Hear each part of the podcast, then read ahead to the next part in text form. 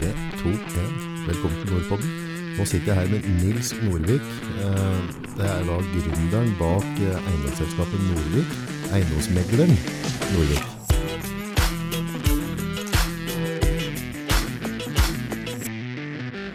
Velkommen til Brumunddal.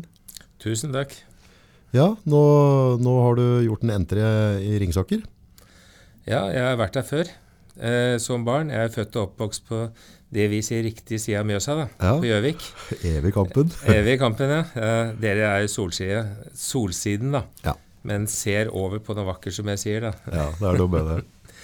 Men eh, jeg har vært her eh, eh, som barn. Og jeg har vært mye på Hamar, jeg har vært på Lillehammer. Eh, jeg har faktisk også kjørt slalåm oppe i Høstbjørg her som barn. Men det er Det begynner å bli noen år siden, da. Stilig. Du har jo blitt anerkjent som eh, en av de virkelig toppmeglere i Norge når det gjelder eiendom. Ja, noen sier det. Det er jo koselig, så, så du kan tydeligvis yrket ditt og, og har god oppførsel og slutt av orden så lenge du kommer opp dit. Han kom ikke dit opp som en bølle. Nei, du må i hvert fall ha stien din ren. Det Ja. er helt sikkert.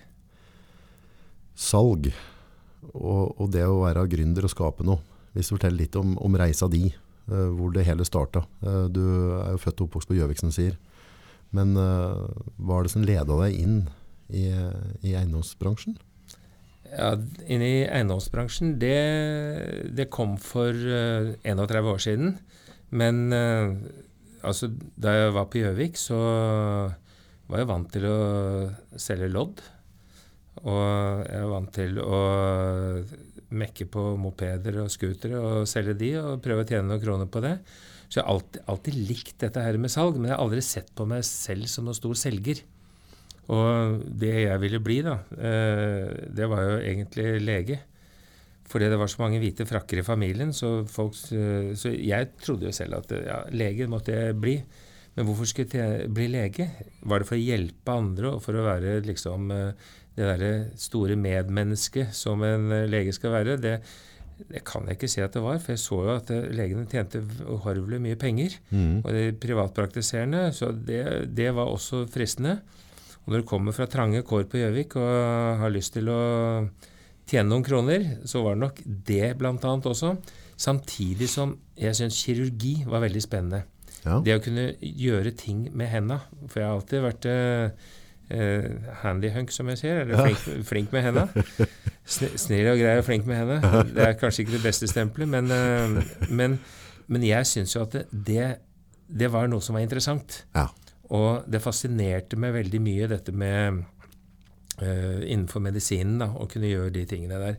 Og jeg syns fortsatt uh, medisinen er veldig interessant. Og jeg syns det, det, det er mye og forskning og hva som skjer osv. som jeg syns er, er veldig bra. da.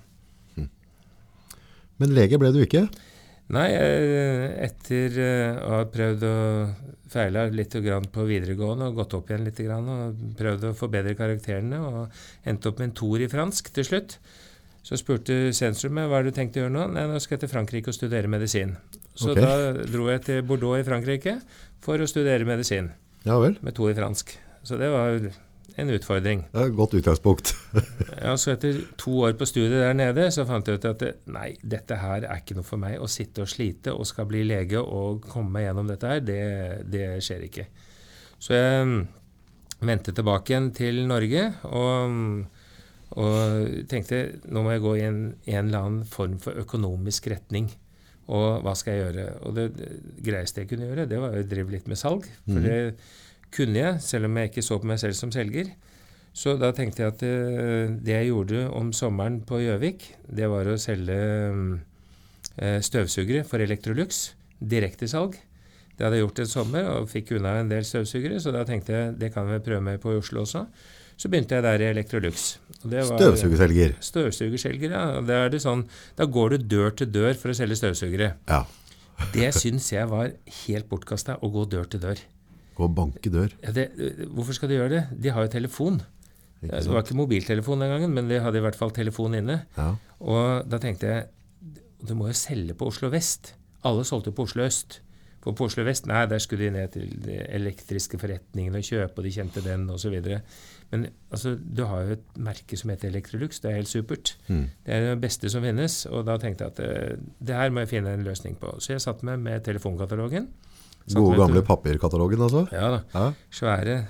Gråblyant og fire ganger så tjukk som den vi hadde på Gjøvik. Og det var ikke bare Gjøvik, det var Gjøvik og omegn. Men uh, så begynte jeg på A. Så ringte jeg alle nummer som begynte med 14. For det var Slemdal sentral. Det var før du het 2214 eller 2292 osv. Ok, ok. Ringte alle 14-numrene, begynte på og gikk nedover. Fortalte at det ringer fra Electrolux rengjøringsmaskiner. Vi er rundt i området nå for å vise frem de siste modellene. Og lurer på om da kunne foreta en presentasjon hjemme hos dere også.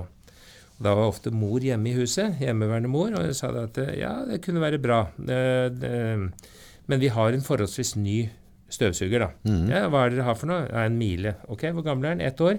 Da skjønte jeg at det, det er ikke noe vits å dra inn dit. da, Det er bortkastet, og de skal ikke kjøpe ny.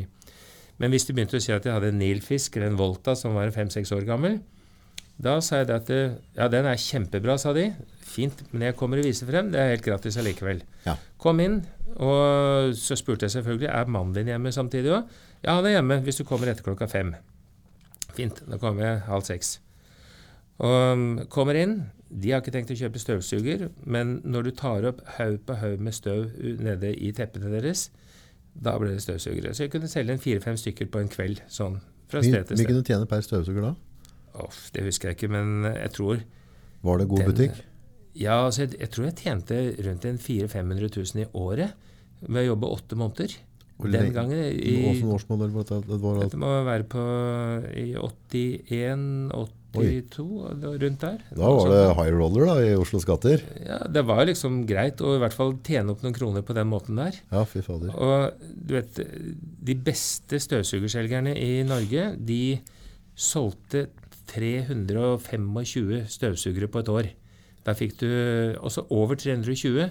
Der fikk du gullmerke. Og det var liksom to eller tre som greide i året. Ja. Så det gjorde jeg unna med 325 støvsugere på åtte måneder. Så hadde jeg det gullmerket inne. Og da fikk jeg tilbud om en sånn distriktssjefstilling og rodesjef og jeg vet ikke hva de kalte det. Men de ville ha meg videre. Men jeg skulle ikke være støvsugerselger. Nei. Selv om firmaet var bra, så tenkte jeg jeg må prøve noe mer direktesalg. Så gikk jeg over til Aschehoug Gyldendals forlag og solgte bøker. Gode gamle bøken. Ja da, det var helt ålreit uh, også. Hvilken boktype solgte du da? Leksikon. Leksikon. Alle måtte jo ha leksikon. Ja, verdenshistorier. Før kokebøker. Google så var jo leksikon altså det var jo helt avgjørende i hjem. Ja, ja. De skal ha det tolv bortover. Men noen ville kjøpe dummien som bare var med isopor, isopor også, for å sette den opp i hylla si. Ser litt lærd ut. Ja, ja. ser litt lærd ut, ja. Det er helt riktig. Det var, det var greit å selge um, Gikk det på ringte da, eller var det å banke dør igjen? Ja, det var også akkurat det samme. At da var det på'n igjen på disse dørene, som jeg syntes var helt bortkasta. Så da fant jeg ut at det, her må jeg gjøre det på en annen måte. Så der hvor de hadde kantiner mm. rundt om, i banker, forsikringsselskaper, på skoler osv., det, det tenkte jeg var bra. Men mange av de, de stedene var jo tatt av andre bokselgere også. Ja. Men det derre å dra på skoler, komme inn i friminuttet, legge ut bøker eh, Idet lærerne kommer tilbake igjen, snakke med dem. Da har du ti minutter på deg til å prate og se hva de skal ha. Og så må de løpe tilbake igjen til klassen. Men så kommer storefri. Da setter hun støtet. ja. Da gikk det ofte en to-tre leksikon og en fire-fem verdenshistorier. Til lærere. Til lærerne. Fint. Takk for i dag. Kunne dra hjem. Du gikk til dem som visste du kunne lese godt, du. Ja, de, de kunne lese det, og de, alle måtte jo ha, en, eh, ha et leksikon. Ja, de skal være lærere. De Ja. må jo kunne sakene sine. Og hvis ikke, så måtte du kjøpe en kokebok, for det kunne du alltid ha hjemme. Så klart. Ja. Så det, det var det å være bokselger, og det syns jeg var eh, Det er også lærerikt å kunne uh, lære deg direktesalg. Kan, kan du på en måte dra parallell et salg er et salg, uavhengig om du selger en bok eller om du selger en bolig? Er det de samme prinsippene? Sånn psykologisk på en måte på hvordan du skal te deg overfor kundene? Og Du, du er alltid selger også som megler, men du må også huske på som eiendomsmegler så er du mellommann. Og når du er mellommann, så har du omsorgsplikt for både kjøper og selger. ja, Eh, Du er engasjert av selgeren, ja, men allikevel du skal ivareta kjøperen på en riktig måte. ja. Og det er, det, det er veldig viktig at du, du opptrer korrekt, at du innhenter alle opplysninger. Og det å, å selge inn en bolig, det, det, er litt annerledes enn å selge inn en, et leksikon eller en mixmaster eller en bil. Det, det er litt mer en konkret ting. Eh, når du skal selge inn en bolig, så skal du selge inn en sjel.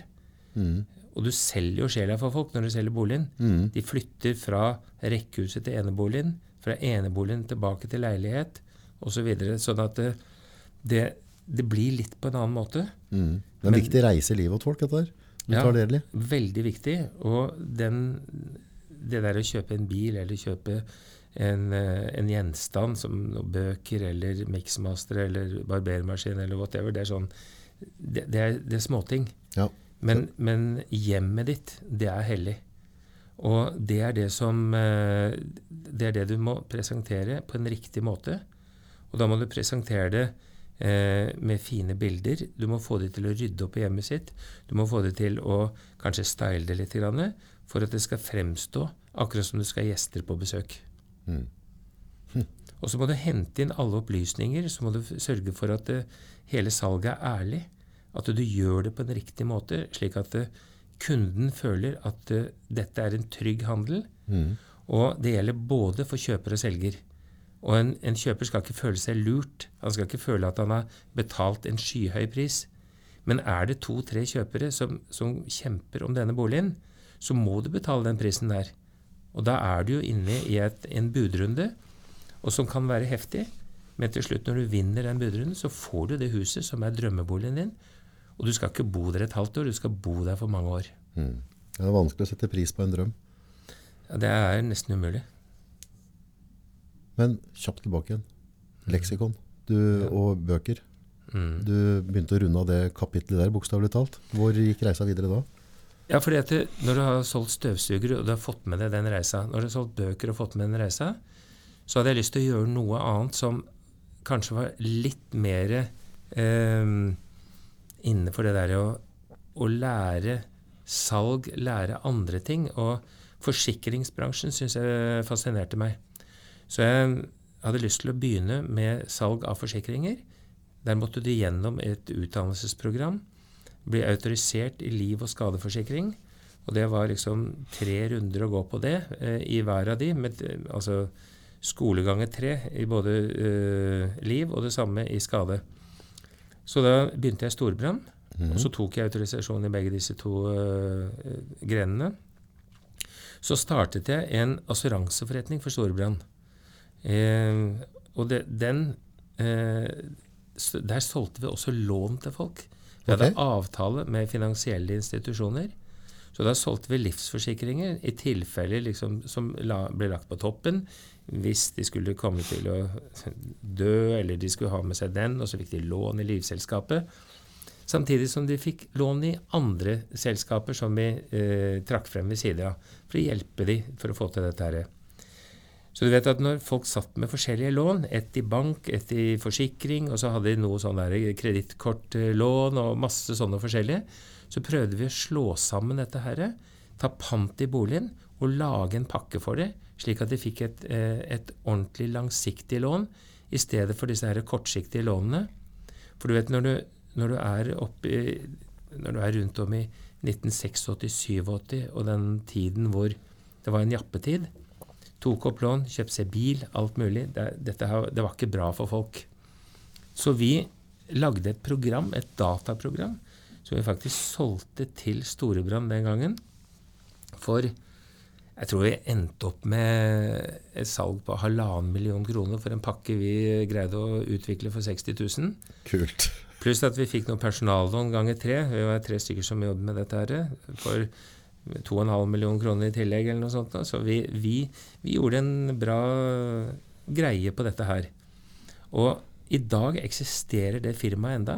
Det gikk inn i det som heter Oslo Assuranse, og nå ligger det inne i, ja, innenfor storbrannsystemet videre. Altså gått inn i andre assuranseforretninger. Så det er, men mens jeg drev med dette her, så tok vi en avdeling og puttet ut i en eiendomsmeglerforretning oppe på Frogner, som den gangen het Aktiv. Det er ikke samme som i dag. Da satt jeg der og ga lån til folk. Alle som kjøpte bolig, de måtte jo ha lån. Så var jeg inne, og så kunne jeg hjelpe de med å få en finansiering som var fornuftig for dem.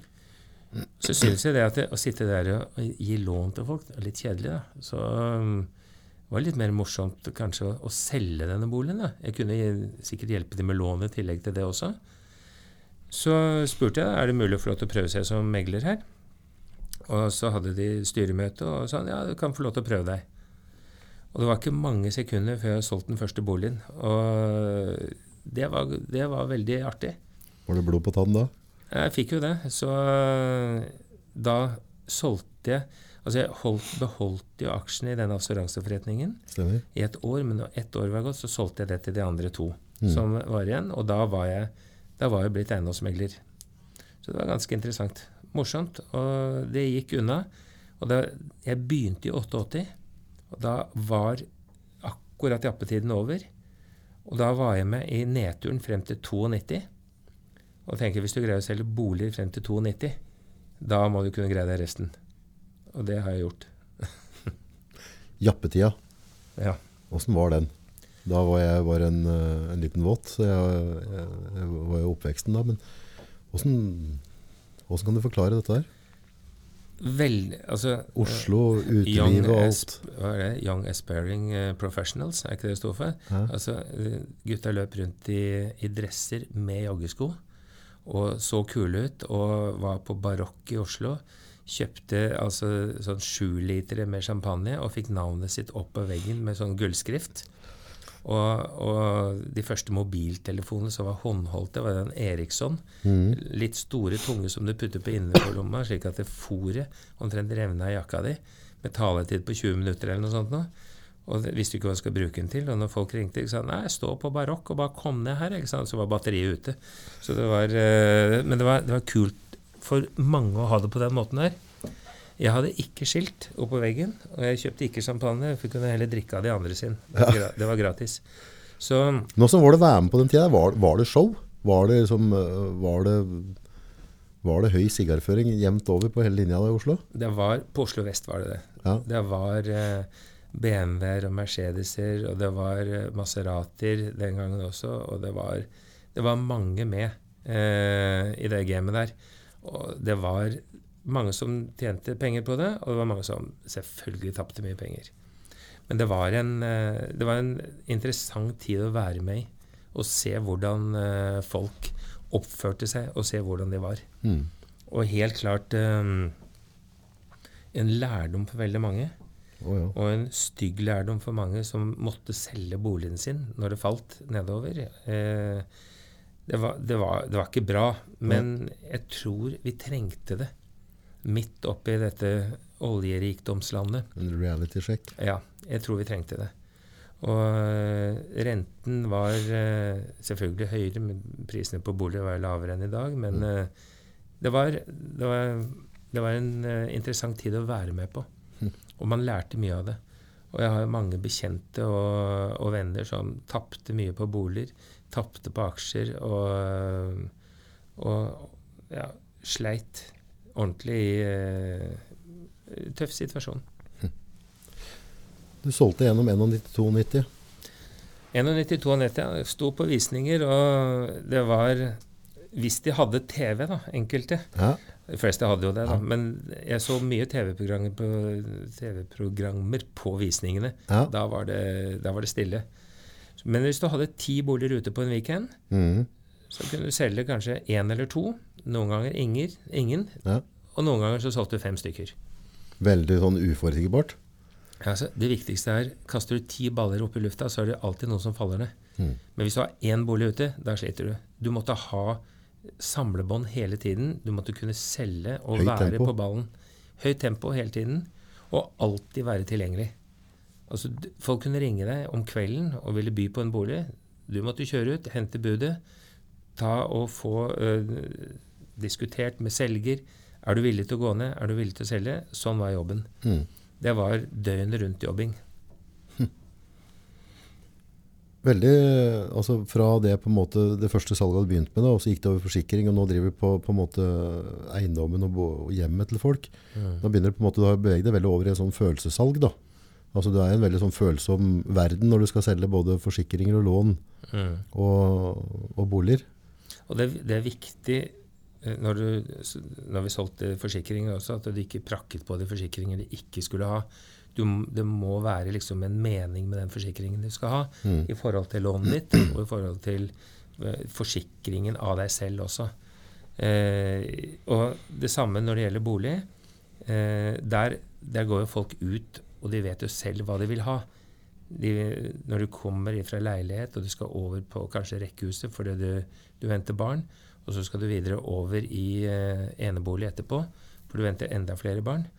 Og, og, så når barna flytter ut, så blir huset for stort, og da er det tilbake igjen til leilighet igjen. Mm. Det er litt sånn circle of life, det derre.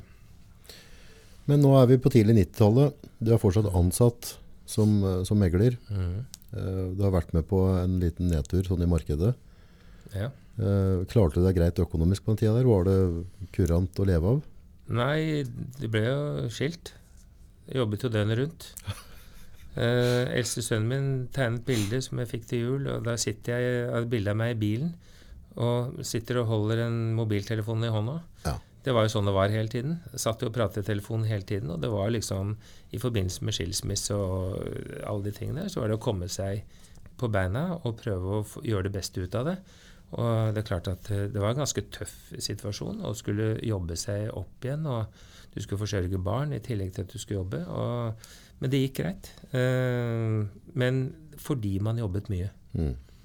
Og uh, i, helt frem til 1998 da gikk jeg ut av det firmaet som jeg jobbet i der aktiv, mm. og var med å starte opp Eiendomsmegler 1 i Oslo.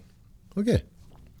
Så fra 98, så da begynte Jeg, jeg solgte jo masse boliger hele veien oppover, så folk visste jo hvem jeg var, og at det, det gikk bra. De skulle innom meg, og de skulle høre, osv. Men, men eh, det litt høyere segmentet, det litt tøffere segmentet, det fikk jeg taket mer og mer på etter hvert. Og i 98, når jeg begynte med eiendomsmeglere, og bygget det opp i Oslo sammen med Miguel Søroth, en kollega av meg, da fikk vi, da fikk vi ordentlig sånn presseomtaler. Da hadde vi satt rekorder både her og der. Og, og da, da, begynte navnet å bli ordentlig kjent. Og da tenkte jeg jeg kan ikke sitte her i en, en bankvirksomhet. Jeg må, jeg må, gjøre noe selv. Jeg må ut av dette her. Og da tenkte jeg jeg må starte noe med mitt eget navn. Nå kjenner alle navnet mitt. Så tenkte jeg jeg må få med noen partnere på dette her. Jeg må starte Norvik og Partners. Så i 2002, fire år etterpå, mm. Så går jeg ut, og så banker Terra-gruppen, i dag Eika, på døra, og så sier de at vi vil være med i Norvik og Partners. Så da startet vi eh, eh, Norvik og Partners, Terra eiendomsmegling. Åpnet eh, lokaler nede i, i Frognerveien i Oslo. Og så begynte jeg å plukke eh, meglere fra andre selskaper. Og, og, i løpet av kort tid så, så, var vi en god bedrift der nede. Og Terra-gruppen var kjempefornøyd. De syntes jo dette var helt uh, supert å være med på den reisa her. Så kjøper de opp det som ble Postbanken-kjeden. Mm uh, og de uh, døper det om til Aktiv, da, hele den kjeden der. Og da blir vi kanskje litt ikke så interessante i hele den kjedevirksomheten for en for, hva var det, 82 sparebanker som var i Terra-gruppen, eller noe? Ja. 83. Eh, og det er klart at De ser jo på volum og kunder osv. Mens vi var litt mer det derre gjøre det beste for kunden, lage de kuleste annonsene, lage de fineste prospektene, og få folk og kunder til å føle seg veldig ålreit. Var opptatt av å ha den. X-faktoren, rett og slett. Den lille X-faktoren der, altså. Og altså, uansett hvor du går hen i Oslo, om du går på Drar du på østkanten Alle har jo Armani jeans. Alle har jo Polo T-skjorter. Alle har jo BMW. Ikke alle har BMW, men alle ønsker seg det. Mm. Og alle ønsker den derre labelen at det skal være litt mer eksklusivt. Mm. Og dermed så prøvde vi å løfte alle leilighetene kan du si, fra førstedivisjon og opp i elitedivisjonen. Mm. Andre ganger fra tredjedivisjon helt opp i elitedivisjonen. Og det likte jo folk. At det skulle være en fin innpakning rundt dette her. Så vi eh, Men når de kjøpte denne eh, Når Terra-gruppen da mm. kjøpte opp Aktiv Postbanken-kjeden, da fant vi ut at kanskje vi skulle gå ut og være alene. Så da gikk Norvik og Partners i 2005 ut og var selvstendig, da. Så da ble terrorgruppen, som vi kalte det da, eller terrorgruppen, da ble de borte. Og så var det akkurat da det smalt i Terra også, med der finansgreiene borte i USA og sånn. Det var litt sånn Var det dramatisk å gå ut sånn, eller var det greit kontrollert? Det var kontrollert å gå ut. Ja. Det at det smalt i Terra, det, det var ikke noe som angikk oss, for det var jo på finanssiden, så det spilte jo ikke så stor rolle. Nei. Men det var jo alltid diskusjoner, og det var jo en fight. Mm. Men eh, det gikk greit. Og da gikk vi videre, og da var vi oss selv, Norvik og Partners. Og vi bygget opp eh, et kontor vi hadde i Hanstens gate.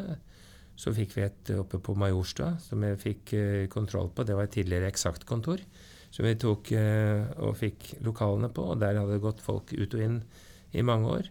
Så åpnet vi Bygdø allé ved Frogner kirke, et stort kontor der. Og sånn balte på seg. Sankthanshaugen, Bislett osv. bortover. Så mm, det ble mange kontorer etter hvert, og det ble interessant. Og, men det var alltid utfordring på eierstruktur, hvordan det skulle være.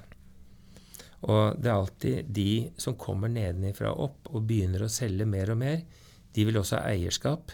Og da må du finne en balanse på dette her. Og det er klart at eh, selv om du er på toppen og har solgt mest av alle, så kommer de bak, og du kjenner at de biter deg i akillesen, så du må være forsiktig. Du må dele ut aksjer til de også, Ja. og få de med på laget. Men i den, i den reisa der, da, så, altså, plutselig har vi et kontor der, så kontor der. Det må ha vært en ganske sånn vanvittig boost og følelse for deg òg. Jeg vet bare med meg sjøl at uh, der jeg satt i fjor, og så sitter jeg her nå i dag altså Innimellom så får jeg sånn Jøss, hva er det som skjedde nå, egentlig? Du må ha hatt mange sånne litt sånne morsomme greier når du liksom setter nøkkelen i en nytt kontordør og åpner. Her er vi. Her er navnet mitt. Ja, det er, det er, eh, det er morsomt, men eh, det har sin pris også. Du vet at eh, du er tilgjengelig døgnet rundt. Du vet det går utover familie, du vet det går utover barna dine. Du vet at eh, du må stå på hele tiden. Nå er jeg jo litt eh, kanskje veldig arbeidsjern, da. Ja. Og har alltid vært det. Og alltid vært litt urolig. Ikke alltid greit å sitte stille. Det, sånn var det fra skoletiden også. Så jeg møter kamerater fra skolen, og så sier de at det er helt morsomt å se. Når læreren kom ned til deg og sa 'Hva skal det bli av deg da, Nils?'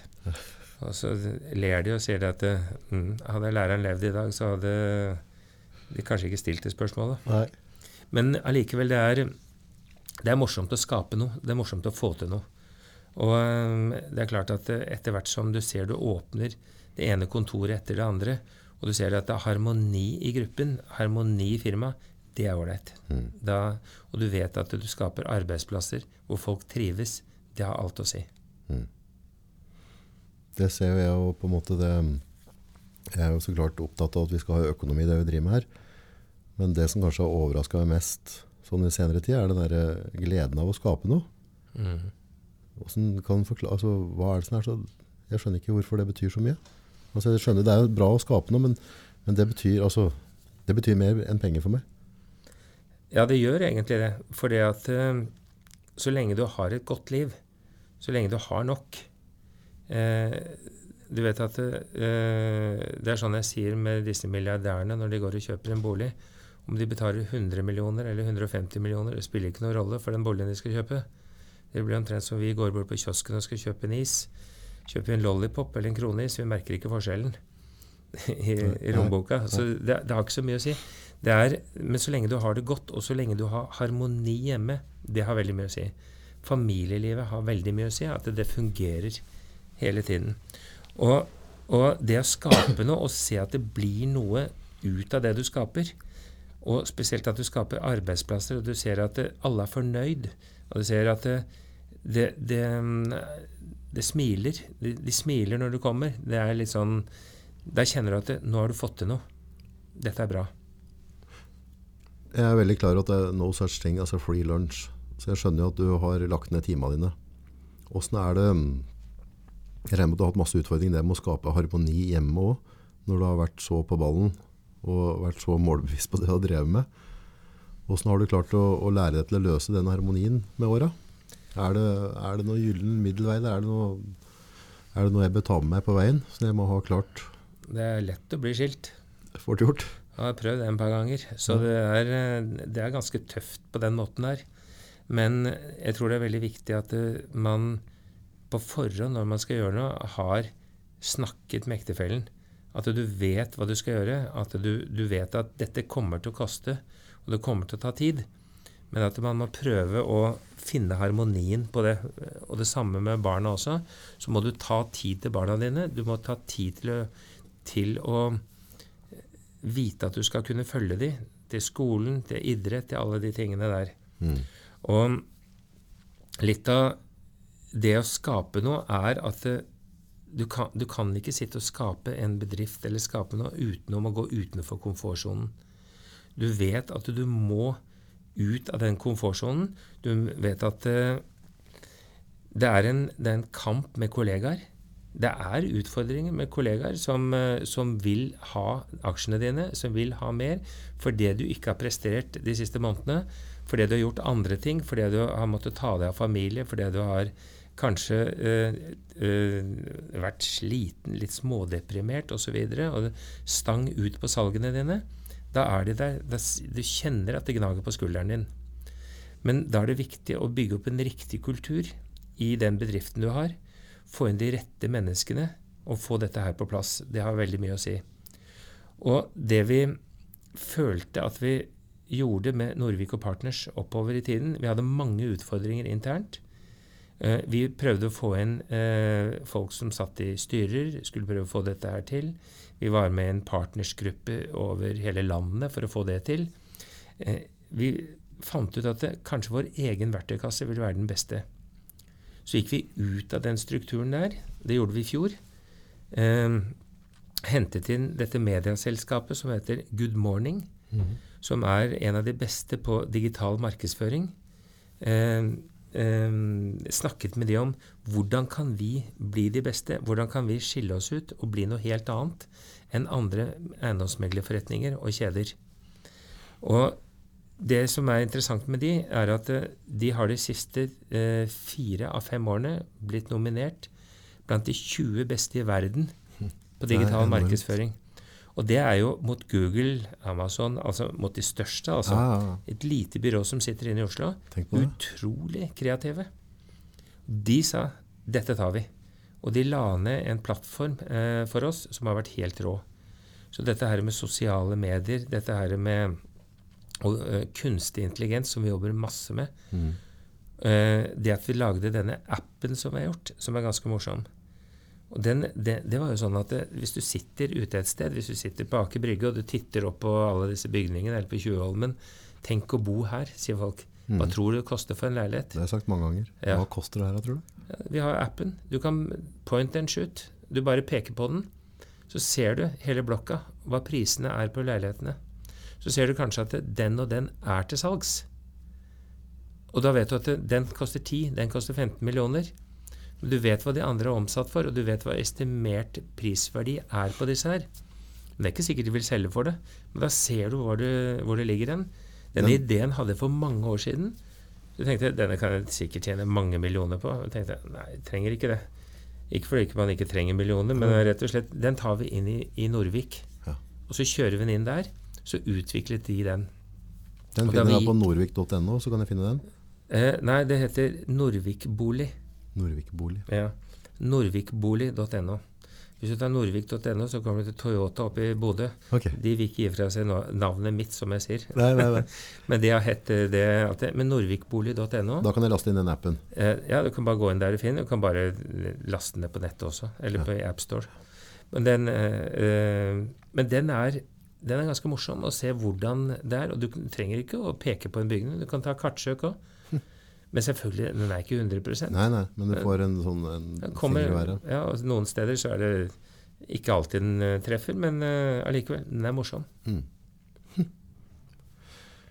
Verdien, eh, grunnverdiene i Norvik, eh, det regner jeg med at du har masse tanker rundt. Men hvorfor skal, jeg, hvorfor, skal jeg, velge deg og ditt team? Hva er det som gjør at hva, hva, hva, er spesielt, hva er så ekstra spesielt med dere? Vi er opp opptatt av eh, bolighandelen, at bolighandelen skal være trygg, sikker eh, og gjennomført på en 100 eh, bra måte. Det er selvfølgelig andre meglere også. Mm. Men det vi vil. Vi vil markedsføre den på kanskje litt mer utradisjonell vis. Og bruke eh, sosiale medier. Og bruke noe annet enn bare finn.no eller lokale aviser. Vi, eh, selvfølgelig skal du bruke de også, men det å kunne få den ut slik at det, skal du selge en bolig oppe i Brumunddal her f.eks., så er det viktig at alle i Brumunddal vet at den boligen er til salgs. Det er ikke bare de som lurer på om de skal kjøpe bolig, som lurer på om de skal gå inn på, mm.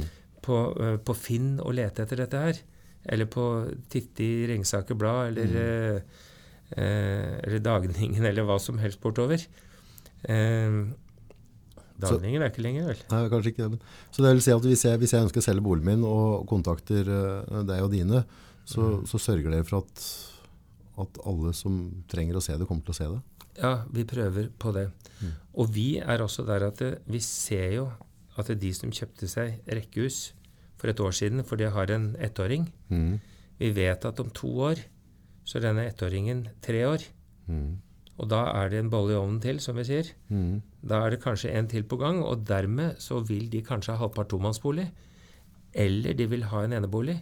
Og da får de allerede våre vibes ut og ser at ok, her får du ikke bare barnevogner som dyttes på seg, men også noen halvpart tomannsboliger og noen eneboliger. Og så skapes eh, interessen for dette her. Og alle disse folkene skal vi prøve å få til å kunne ville da kjøpe ny bolig. Vi ser at den boligen du har, lettere blir solgt, for det er andre som ser på den, som kommer fra leilighetsmarkedet og skal over på rekkehusmarkedet. Fordi de venter barn, eller har tenkt å få barn. Og da er det to stykker der som da vil ha rekkehuset. Sånn er det vi prøver å skape dette her. Sånn er det vi prøver å få dette ut på Instagram, på Facebook, på altså alt med sosiale medier. Mm. Og så, sånn at folk skal vite vi er de beste. Vi kan dette her. De andre kan komme etter etter hvert. Men da skal vi rundt neste sving ha noe som er enda bedre. Vi skal prøve å være bedre enn alle andre, ligge foran i forsetet hele tiden. Slik at det, når du kommer til, til oss, så er vi det naturlige valget, og i hvert fall bli spurt. Mm. Og antageligvis bli valgt til å selge boligen også. For uh, andre som uh, driver næring, sånn som meg, eller uh, folk som ønsker å, å, begynne med noe, har en, har en tanke, et prosjekt de skal dra i gang. Har du noen råd på veien? Noe vi må tenke på? Nå tenker du på andre ting enn en megling? Generelt det å være gründer og drive business. Det er viktig hele tiden å være ærlig. Og å drive en eh, Å drive uh, redelig. Ikke ta snarveier. Og husk på det at uh, det å bygge sten på sten er veldig viktig. Men det derre å tro at du skal bli rik rundt neste sving, det kan bare glemme.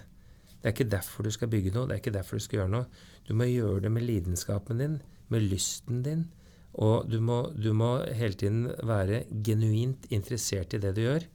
Og så må du jobbe og jobbe og jobbe døgnet rundt. Men jobbe med glede, ikke med slit. Og så må du alltid ha det litt lett. Det er viktig å ta ting lett, ikke, ikke, ikke grave deg ned.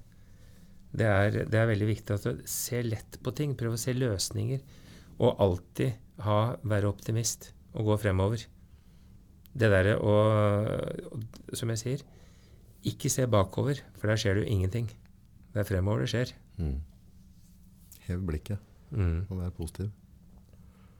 Spennende. Jeg føler at jeg har fått en veldig flott uh, nabo. Vi er jo naboer nå i Mjøstårnet. Så stemmer, hvis noen har noen spørsmål uh, rundt deg og dine, så er dere å finne i tredje etasje på Mjøstårnet i Brumunddal.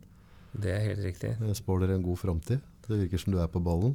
Takk for det. Og vi har et team her nede som er veldig bra, og som også er på ballen, og som har lokalkunnskap rundt hele Mjøsregionen.